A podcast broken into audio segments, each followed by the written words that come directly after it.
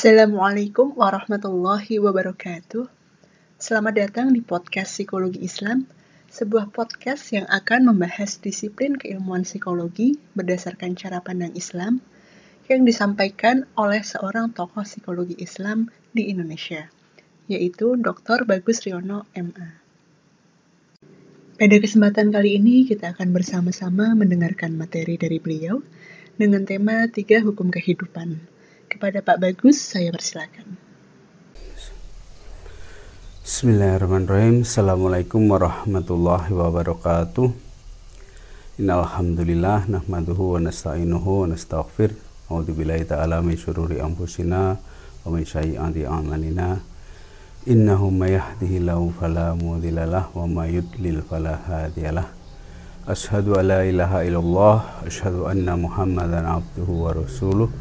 Allahumma sholli ala sayyidina Muhammad wa ala alihi wa sahbihi ajmain. Amma. Teman-teman sekalian, um, hari ini adalah kajian yang terakhir untuk insani semester ini. Dan topik yang akan saya bahas terkait dengan tiga hukum kehidupan ya tiga hukum uh, psikologi ya dalam kaitannya dengan kehidupan dan uh, potensi serta perilaku manusia. Kajian ini akan mencakup uh, sisi keilmiahannya, jadi kaitannya dengan penelitian-penelitian mutakhir, kemudian uh, sisi teoritisnya, dan juga sisi aplikasinya.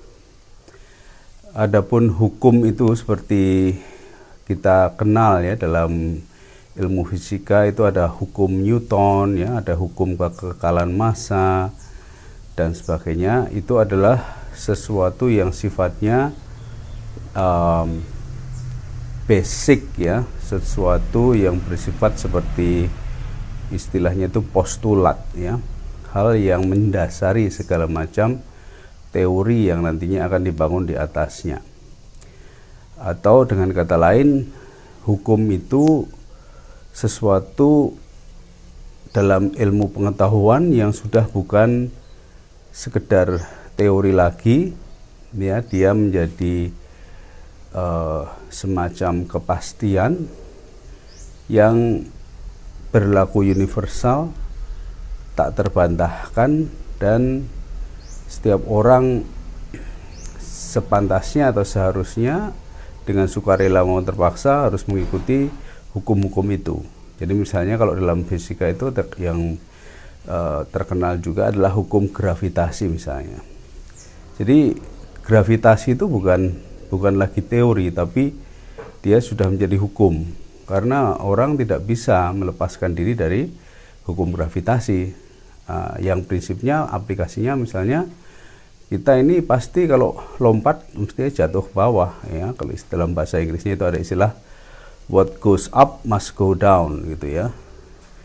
Uh, kalaupun kita aplikasikan dalam dunia penerbangan ya misalnya pesawat itu uh, bisa memanipulasi atau bisa terbang memanipulasi hukum gravitasi tapi dia tidak bisa terbebas dari hukum gravitasi begitu mesinnya rusak dia pasti jatuh gitu kan itu ilustrasi yang sederhana saja jadi segala sesuatu yang terkait dengan eh, benda-benda uh, itu di, di dunia ini bahkan di angkasa itu akan tunduk pada hukum gravitasi.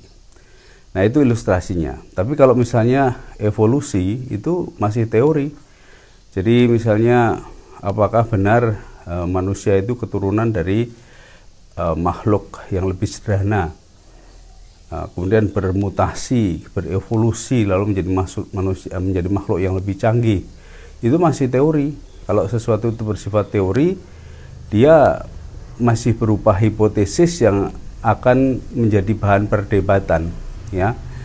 Kalau memang teori evolusi itu benar maka mestinya virus sudah nggak ada lagi karena virus itu adalah makhluk yang sangat sederhana ya virus itu makhluk yang ke, sangat kecil dan tidak lengkap sebagai makhluk itu Tapi kita terbukti sekarang semua manusia di seluruh dunia ini tunduk pada virus corona.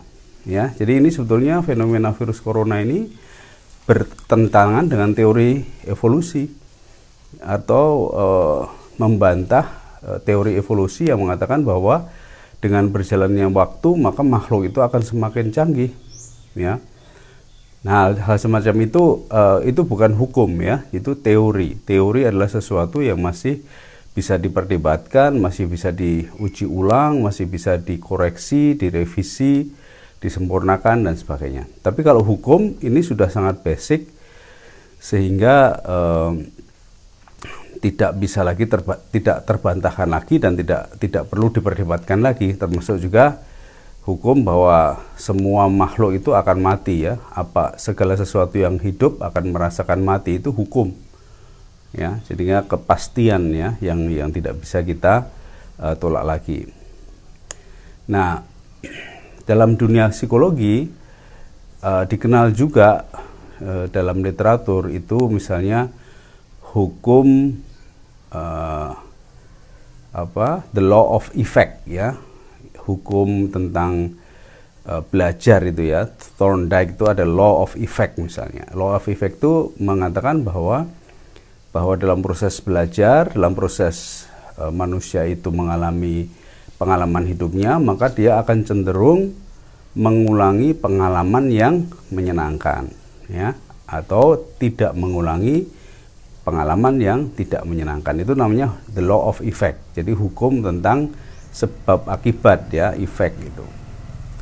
Itu jadi sebetulnya istilah hukum ini dalam psikologi juga sudah dikenal namun eh, tidak begitu populer dan juga memang namanya hukum itu mas, eh, sesuatu yang sudah tidak tidak de, diperdebatkan lagi sudah di, dijadikan postulat ya.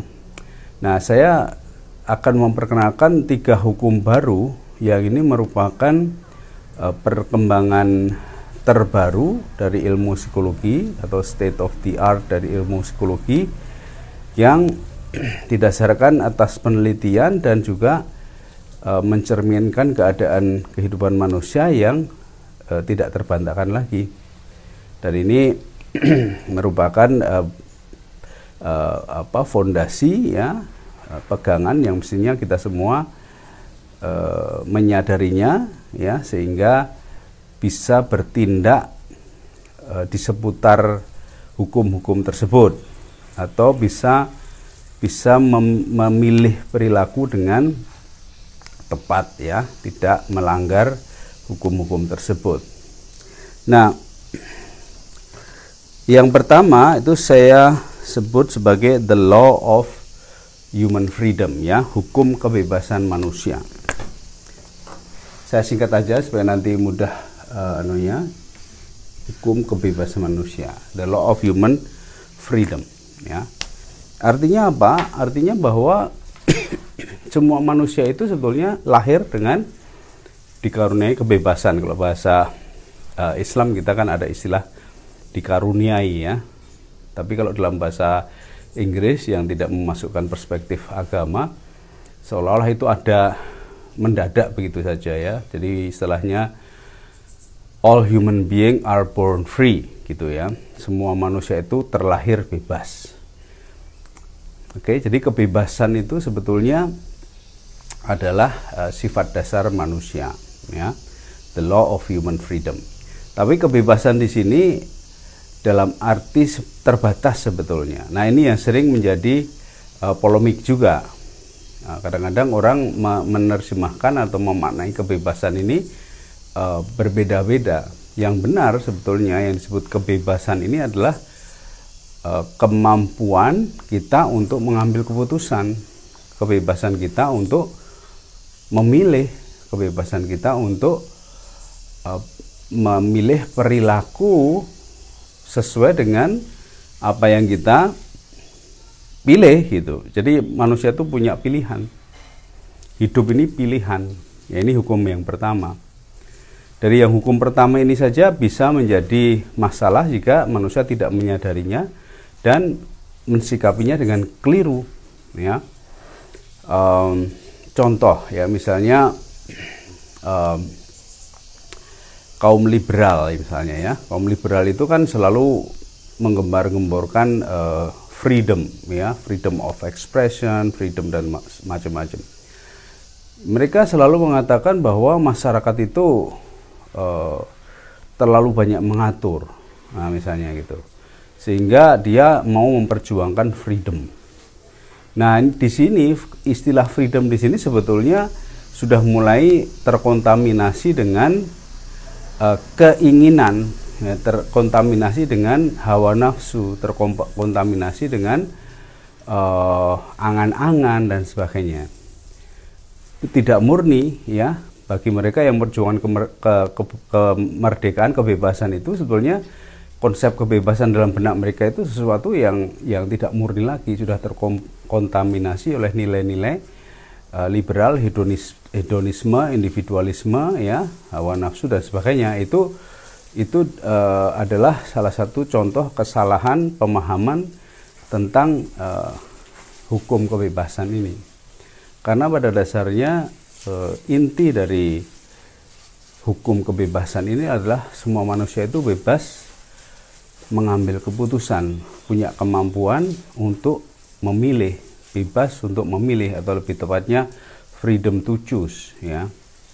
Artinya apa? Ketika dia itu memperjuangkan kebebasan, sebetulnya itu sih ya sudah mengekspresikan kebebasannya, dia sudah mempraktekkan ya kebebasannya. Kalau orang yang tidak bebas dia tidak bisa memperjuangkan apa-apa, dia hanya uh, tunduk saja ya gitu ya jadi kebebasan itu uh, secara basic sebetulnya adalah uh, kemampuan dia untuk memilih di antara beberapa pilihan atau secara basic sebetulnya hanya dua pilihan ya.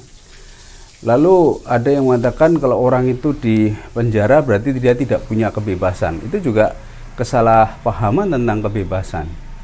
Kenapa? kita tahu bahwa uh, Buya Hamka ya almarhum Buya Hamka itu di penjara justru uh, melahirkan tafsir Al Azhar ya tapi tidak semua orang di penjara bisa produktif lalu Viktor Frankl kalau di dunia psikologi di penjara justru melahirkan teori tentang logoterapi ya tapi ada juga orang yang di penjara memilih untuk nelangsa, untuk menderita, ya, untuk dendam, ya. Nelson Mandela misalnya di penjara 27 tahun ya, kurang lebih ya. Tapi apa yang dia lakukan di penjara? memaknai kehidupan, ya. Memaknai kehidupan, mempelajari tentang hakikat hidup. Belajar tentang prinsip-prinsip kehidupan yang akhirnya membuat dia menjadi tokoh dunia ya. Begitu keluar dari penjara menjadi presiden dan bukan sekedar presiden yang berkuasa tapi presiden yang bijak presiden yang bisa menyatukan kembali negaranya yang terpecah belah karena apartheid ya. Presiden yang bisa menghapuskan dendam rasial ya antara kulit hitam dan kulit putih itu adalah produk dari perenungannya selama di penjara jadi di penjara pun seorang manusia tetap punya pilihan tetap bisa memilih untuk melakukan apa, untuk mengisi waktunya dengan apa ya. Itu itu sebetulnya prinsip dari human freedom. Jadi bukan freedom dalam arti tidak boleh dilarang, bukan freedom berarti boleh semaunya sendiri, bukan itu sudah mulai terkontaminasi dengan uh, value, norma, budaya dan sebagainya. Tapi freedom secara hakiki ya bahwa dia uh, bisa memilih dalam kondisi apa pun. Dia memilih untuk menderita atau memilih untuk berbahagia. Jadi kebahagiaan itu sebetulnya pilihan ya, pilih untuk produktif atau pilih untuk malas-malasan. Itu juga pilihan. Sehingga konsekuensi dari apa? freedom ini sebetulnya adalah uh, apa yang disebut responsibility ya responsibility kemampuan merespon dengan tepat ya jadi freedom itu uh, sebagai kondisi ya lalu apa yang ideal dalam uh, dalam uh, berhadapan menghadapi kondisi yang uh, berpotensi atau kondisi yang memungkinkan dia untuk mengambil pilihan, maka dia harus uh, bertanggung jawab. Jadi tanggung jawab itu adalah konsekuensi logis dari kebebasan. Jadi tidak usah uh, bukan sesuatu yang terpisah ya. Jadi misalnya oh boleh bebas tapi harus bertanggung jawab bukan begitu karena kebebasan itu sendiri sudah mengimplikasikan bahwa kita lah yang bertanggung jawab ya. Jadi ada uh, apa sebuah Eh, pepatah ya, bukan pepatah kalau dalam bahasa uh, Indonesia pepatah kalau dalam bahasa Inggrisnya saying gitu ya.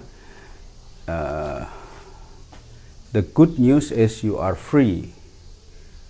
The bad news is nobody else responsible on whatever you do except yourself.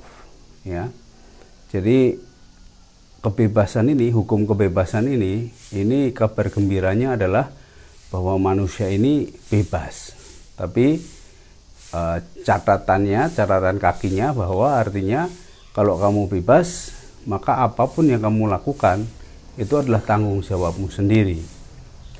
Nah, dalam konteks e, ajaran Islam, maka sesungguhnya manusia ini e, kebanyakan manusia ini adalah e, menganiaya dirinya sendiri karena Allah tidak pernah menganiaya hambanya ya bahwa sungguhnya musibah itu terjadi karena kesalahanmu sendiri karena kamu yang salah. Karena kamu diberi kebebasan. Ya ini ajaran-ajaran dalam Islam yang merepresentasikan uh, hukum ini. Ya.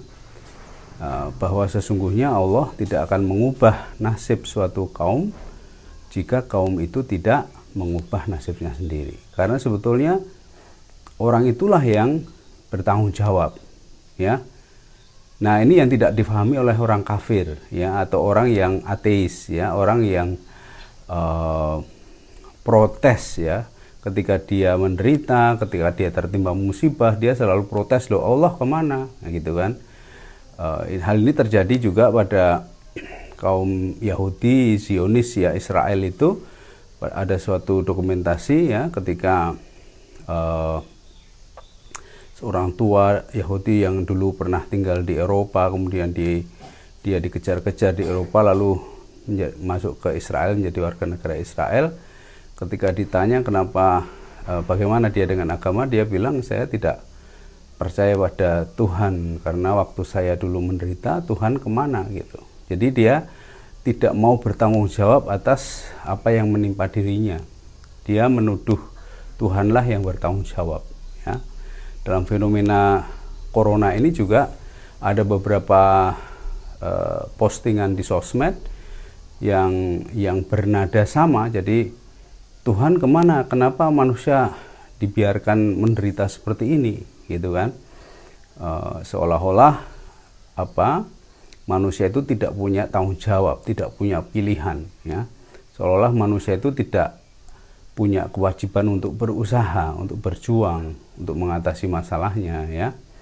Itu yang yang lalu uh, uh, ketidakfahaman tentang kebebasan ini atau hukum kebebasan ini bisa berdampak sangat jauh ya, termasuk ke dalam uh, ateisme, ya. Makanya uh, sebagai muslim kita semua yang beragama Islam ya itu jangan uh, terlalu uh, meng, me, apa ya istilahnya itu mengandalkan ya uh, pertolongan Allah tanpa usaha. Jangan hanya mengandalkan pertolongan Allah tanpa usaha tanpa berusaha ya.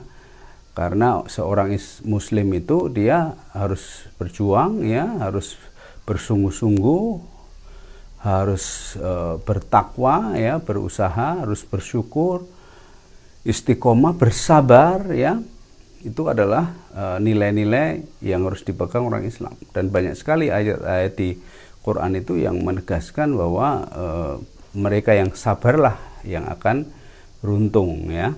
Nah, sabar itu artinya apa? Sabar itu artinya bukan pasif. Nah, ini juga salah paham lagi. Sabar itu artinya dia menggunakan kebebasannya untuk tidak berkeluh kesah ya, menggunakan kebebasannya untuk uh, menekuni sesuatu sampai tuntas ya. Tidak putus asa di tengah jalan tidak hangat-hangat tai ayam ya. Tidak tidak putus asa tidak lalu mudah menyerah ya. Itu adalah orang-orang yang sabar yang mampu menunggu ya. Bisa menunggu ya. Kuat menunggu bahwa sesungguhnya uh, segala sesuatu itu uh, ada prosesnya ada waktunya.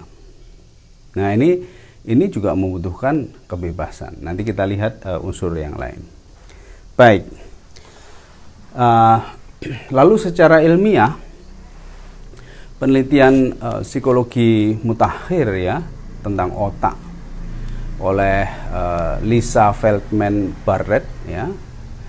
Lisa Feldman Barrett itu seorang uh, peneliti tentang otak ya yang tahun 2016 itu mempublikasikan hasil penelitiannya yang uh, sudah dia lakukan selama 25 tahun di TED Talk ya di video uh, kuliah TED itu dia menyimpulkan bahwa otak kita ini sebetulnya uh, cerminan dari perilaku kita. Dia bicara masalah emosi ya, fokus ke masalah emosi. Jadi emosi yang tercermin di otak kita ini terbentuk karena apa yang kita lakukan ya apa yang kita pilih.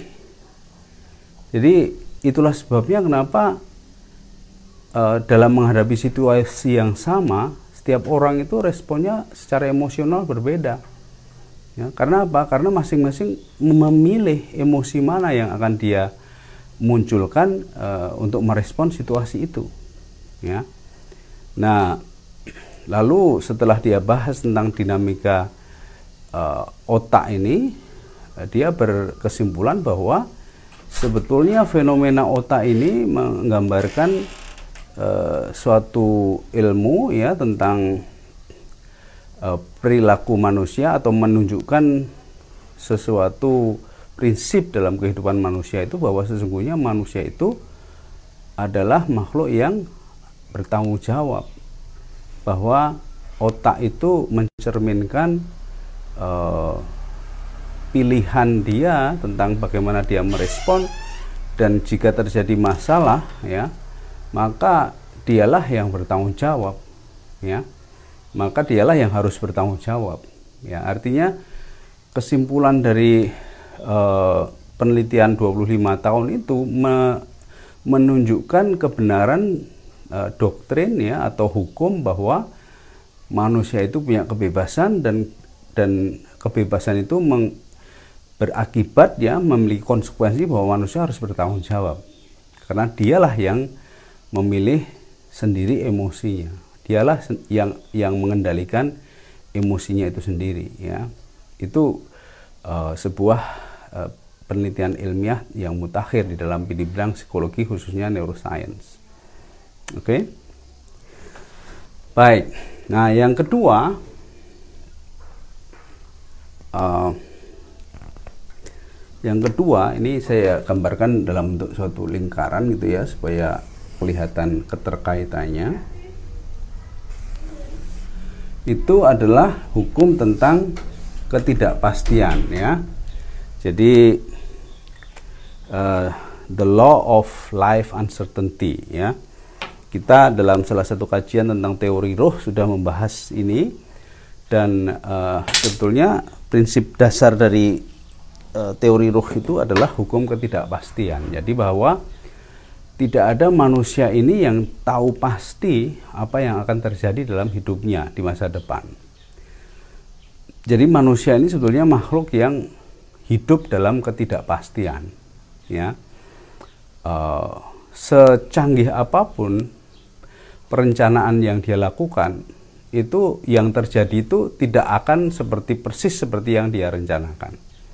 Sebetulnya dalam uh, beberapa teori klasik dari psikologi sosial sudah ada istilah-istilah seperti uh, planning fallacy ya. Jadi kesalahan dalam perencanaan. Jadi perencana itu tidak pernah uh, mewujudkan mewujud menjadi kenyataan atau kenyataan itu tidak pernah 100% sesuai dengan rencana.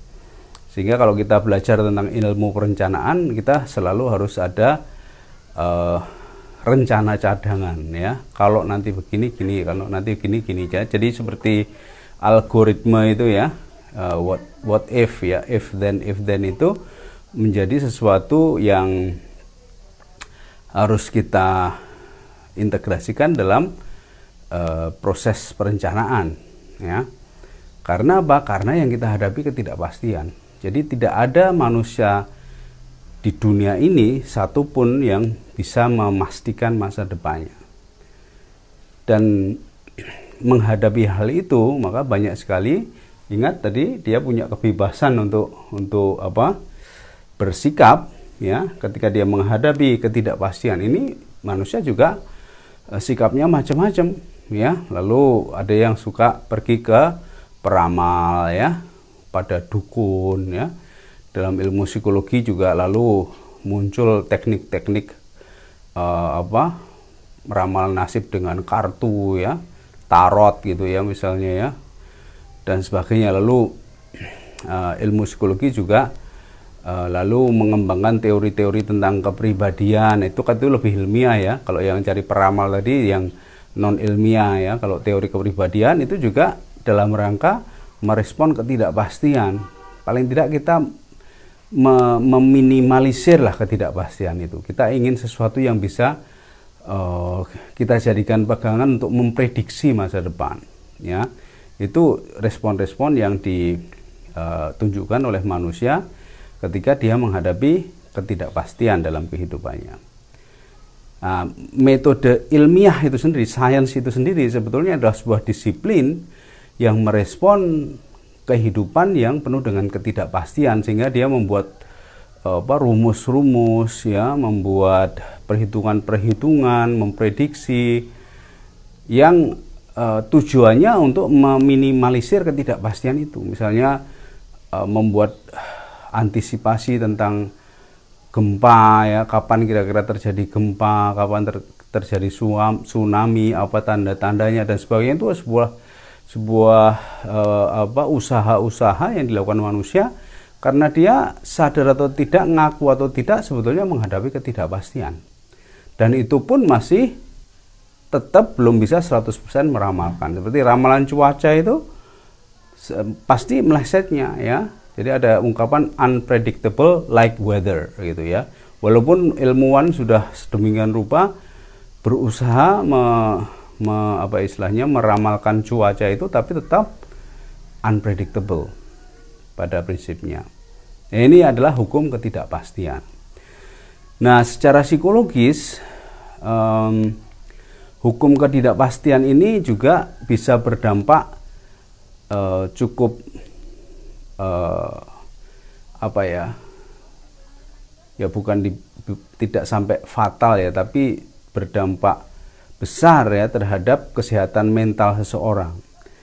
Jadi orang-orang yang mengalami gangguan psikologis, gangguan kepribadian, itu ketika diteliti itu akarnya adalah karena dia tidak mau terima kenyataan hidup yang penuh dengan ketidakpastian atau dia menolak hukum ketidakpastian ini. Uh, istilahnya itu uh, uncertainty uh, intolerance to uncertainty ya. Atau intolerance of uncertainty ya. Itu adalah akar masalah dari kesehatan mental atau gangguan mental ya. Nah artinya apa? Artinya dalam ranah psikologi eh, kesadaran tentang atau pengakuan atau penerimaan tentang kenyataan hidup bahwa hidup ini penuh dengan ketidakpastian itu menjadi kunci kesehatan mental. Penerimaan terhadap hukum ketidakpastian ini menjadi fondasi dari kesehatan mental sehingga dia tidak akan tersiksa dengan e, kejutan-kejutan atau surprises yang dihadapi dalam kehidupannya. Bahwa kehidupan itu tidak akan terjadi seperti yang dia bayangkan, tidak akan mengikuti keinginannya ya jadi orang yang yang uh, ambisius dalam tanda petik ya ambisius dalam arti dia maunya hanya mendapatkan apa yang dia inginkan maka dia juga bisa terindikasi uh, sebagai orang yang tidak toleran terhadap ketidakpastian. Nah ini bisa menjadi sumber dari gangguan mental ya. Jadi harus berhati-hati. Nah penelitian yang dilakukan itu uh, dilakukan oleh Dr. Salis ya dari Muhammadiyah Malang yang pada saat disertasi di Newcastle di Inggris uh, membuktikan ya secara statistik begitu eh, kasus-kasus uh, yang beliau teliti bahwa uh, intolerance to uncertainty ini menjadi prediktor yang sangat kuat dan uh, memprediksi semua jenis gangguan mental yang uh, ter, teridentifikasi dalam hasanah keilmuan uh, psikologi ya jadi ini juga sudah teruji secara ilmiah ya tentang uh, hukum ketidakpastian ini. Nah, ini menjadi kunci juga bagi kita semua ya sebagai uh, manusia ya yang hidup di dunia yang fana ini untuk bisa mengelola hidup kita supaya lebih tenang, lebih sehat, lebih berbahagia dengan menyadari dan menerima hukum ketidakpastian ini tidak menolaknya ya. Ketika kita menolak maka kita akan ibaratnya nabrak tembok ya karena itulah yang terjadi. Nah dalam Islam sendiri eh, ketidakpastian ini adalah wujud dari eh, ibtila ya ujian sesungguhnya eh, manusia akan diuji dengan banyak hal dan itu semua eh, eh mengandung karakteristik ketidakpastian ya tentang kekurangan harta, tentang kekurangan makanan, ya, hilangnya jiwa dan sebagainya. Nah, bagaimana kita mengembangkan sikap yang tepat ya dalam merespon ketidakpastian ini? Jawabannya adalah kita harus menjaga apa yang disebut hope ya. Jadi eh, hope ini yang yang di dunia psikologi baru mulai serius dibahas pada masa uh, psikologi positif ini sebetulnya adalah esensi salah satu esensial uh, behavior ya yang yang uh, tepat untuk merespon hukum ketidakpastian ini. Jadi mestinya hope ini dikaji lebih mendalam ya uh, sejak dulu mestinya ya karena inilah yang akan menyelamatkan manusia dari uh, gangguan mental karena uh, uh, apa tidak mau menerima ketidakpastian atau karena melawan hukum ketidakpastian. Hope itu apa? Hope itu adalah keyakinan bahwa di balik ketidakpastian itu nanti ada, akan ada sesuatu yang baik ya keyakinan bahwa akhir itu lebih baik dari awalnya keyakinan pada bahwa pada akhirnya nanti segala sesuatu akan jadi baik ya bahasa Inggrisnya itu uh, everything is going to be alright ya keyakinan keyakinan itu adalah uh, kekuatan psikologis manusia yang bisa dikapitalisasi ya untuk uh, menghadapi hukum ketidakpastian ini.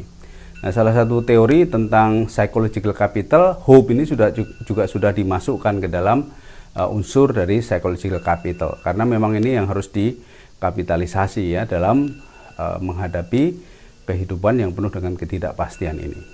Ya. Nah, sehingga kalau kita selalu mempertahankan harapan, kalau kita selalu punya keyakinan bahwa pada akhirnya segala sesuatu itu akan jadi baik, bahwa keadilan itu pada akhirnya nanti akan terwujud, ya, maka kita akan jadi sehat. Tapi tentu saja yang namanya hope itu berbeda dengan wants ya atau berbeda dengan expectation, ekspektansi ya. Jadi kita harus sabar dalam hope ini tetap harus sabar. Makanya nilai sabar atau sikap sabar itu sangat penting sekali di dalam uh, kita mengelola uh, jiwa kita ya, mental kita, diri kita, perilaku kita ya dalam menghadapi kehidupan ini. Oke. Okay? Karena apa? Karena kadang-kadang kebaikan itu kalau dalam perspektif Islam itu kadang-kadang solusinya itu baru diperoleh di akhirat. Nah, makanya orang-orang yang tidak beriman pada hari akhir itu agak susah untuk bisa menjaga hope ini. Ya, apalagi dia uh, merasa hidupnya sudah uh, uh, tidak tidak anu lagi, tidak apa istilahnya lama lagi tapi dia belum melihat adanya uh, kebaikan.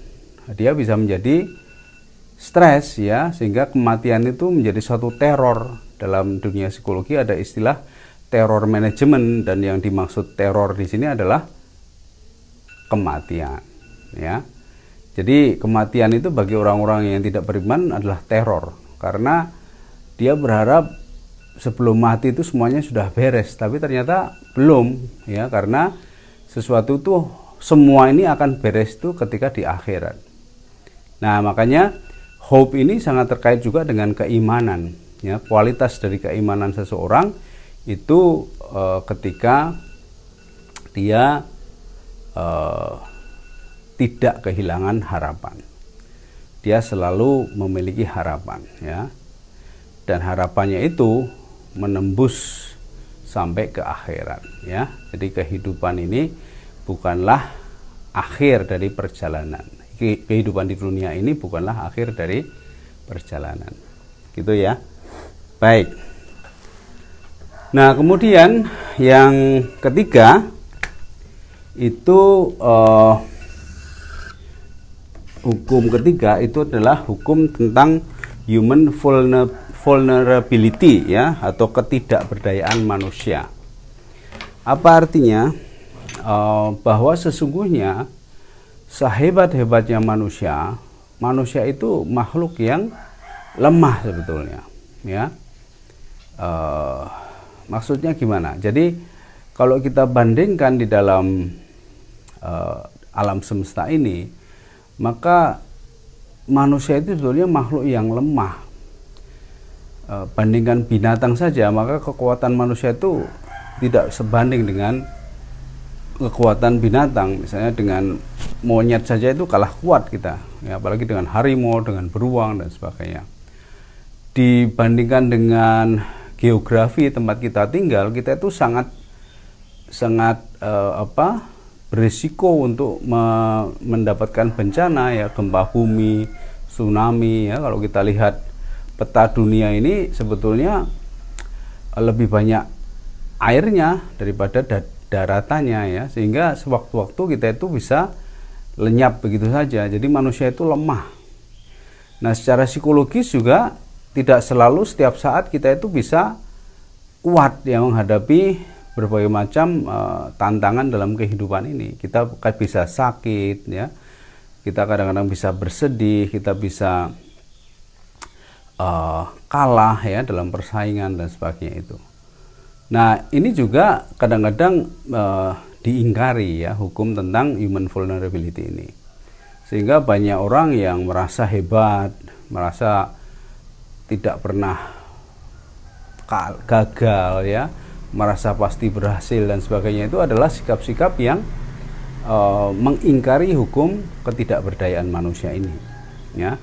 Vulnerability. Dan banyak orang yang uh, apa istilahnya itu merasa bahwa manusia ini adalah penguasa alam semesta ini alam semesta ini ya.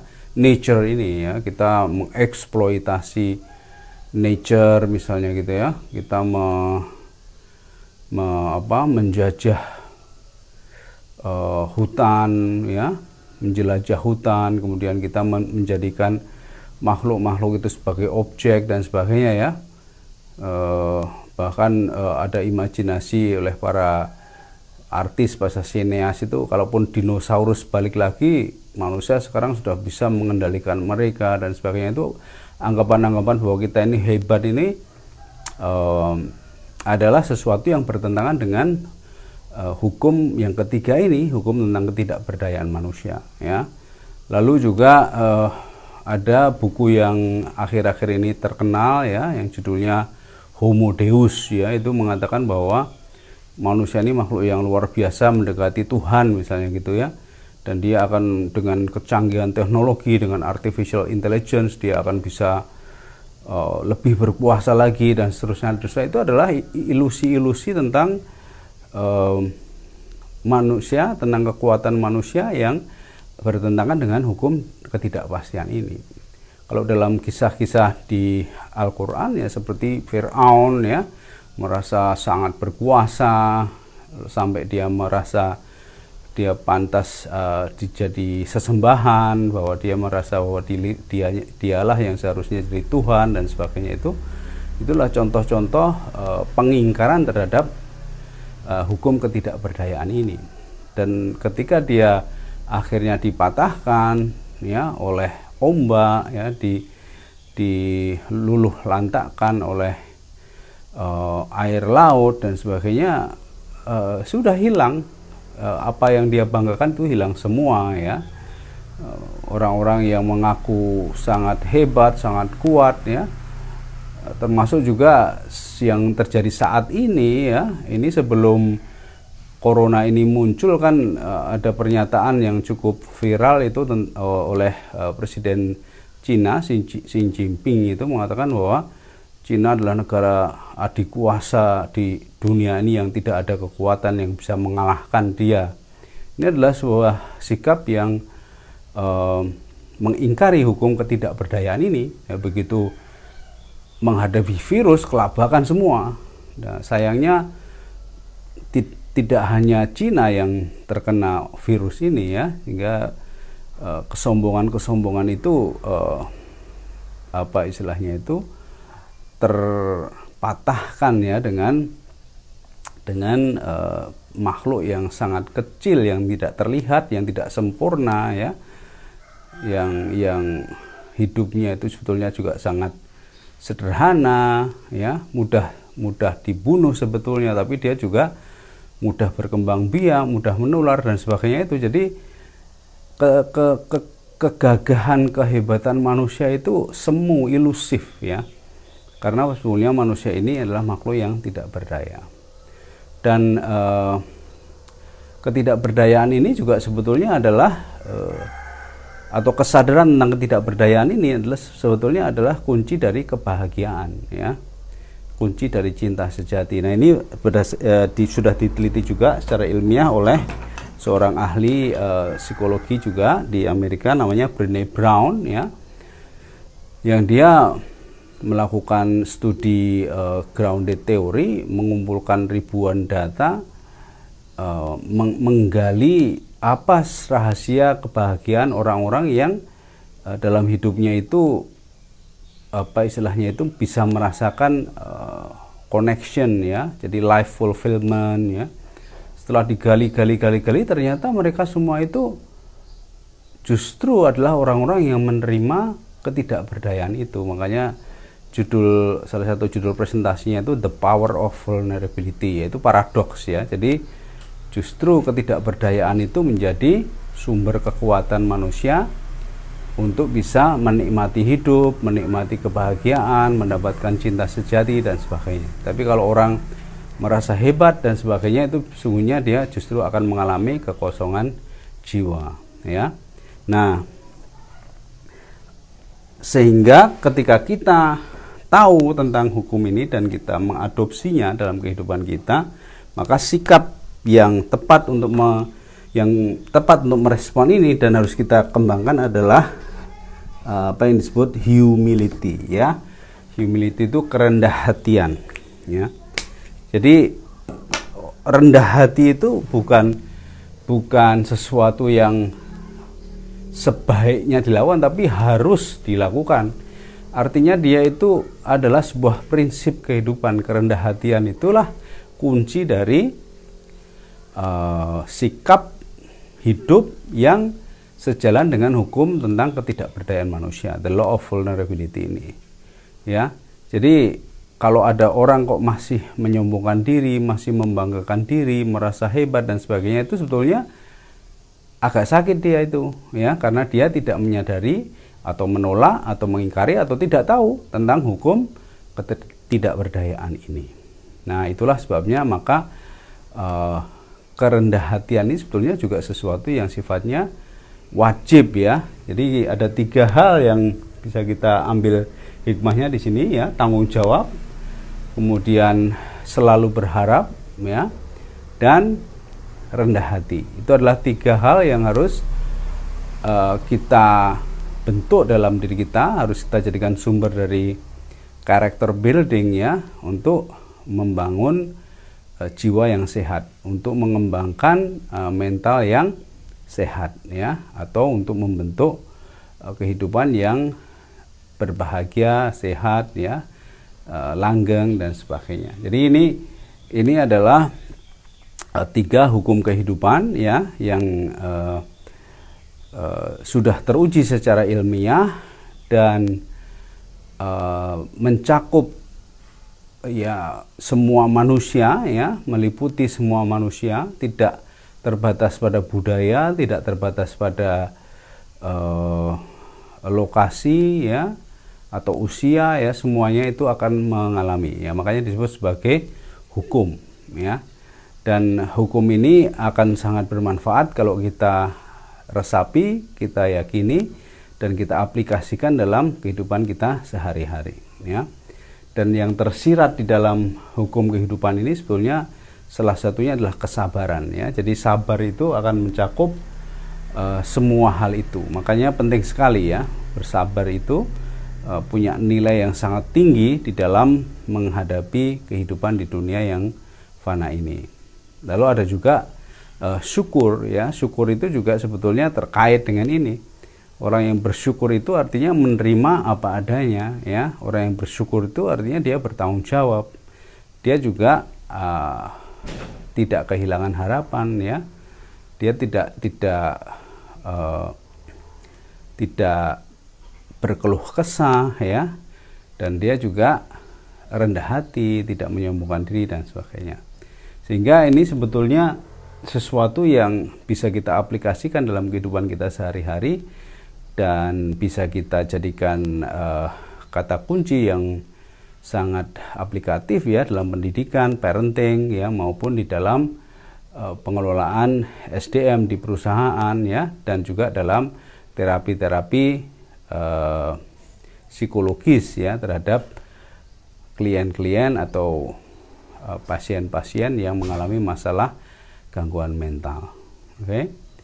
Sehingga kalau kita mendidik anak-anak itu kita harus kreatif bagaimana menanamkan ya tanggung jawab uh, harapan yang tak pernah putus ya dan juga kerendah hatian ya ini tiga hal yang sangat penting dan bukan hanya sebaiknya kita lakukan tapi harus kita lakukan karena ini adalah hukum kehidupan yang mudah-mudahan dari sini kita bisa mempelajari sesuatu bisa membawa pulang sesuatu ya. Dan um, untuk kajian insani ini insya Allah nanti akan kita atur waktu untuk bisa bertemu melalui uh, Google Meet ya. Sehingga kita bisa melakukan tanya jawab secara langsung ya. Uh, untuk isu-isu yang uh, anda pikirkan atau pertanyaan-pertanyaan yang masih uh, anda butuh penjelasan lebih jauh dan mudah-mudahan bisa menjadi sarana komunikasi dua arah yang uh, selama ini kita uh, kehilangan ya karena adanya uh, wabah ini ya. Gitulah uh, yang bisa kita uh, pelajari untuk hari ini.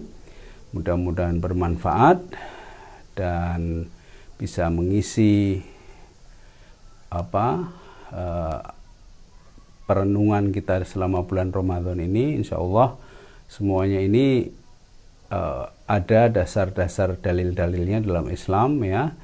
Ada dukungan penelitian ilmiahnya sehingga insya Allah bisa membuat kita lebih mantap ya dalam menghadapi kehidupan kita di masa depan. Terima kasih atas perhatiannya selama ini. Insya Allah kita akan uh, bertemu lagi pada momen yang lain ya pendalaman mengenai uh, psikologi Islam ini dan juga mungkin uh, uh, apa belajar tentang aplikasinya dalam terapi yang uh, saya memberi namanya taskia terapi ya mudah-mudahan nanti ada yang bisa mengikuti uh, beberapa sesi dari taskia terapi ini sehingga uh, ilmu yang kita pelajari dalam ranah psikologi Islam ini bisa dirasakan manfaatnya dan menjadi berkah ya yang lebih bermanfaat bagi orang banyak. Terima kasih. Wabillahi taufiq wal hidayah. Assalamualaikum warahmatullahi wabarakatuh.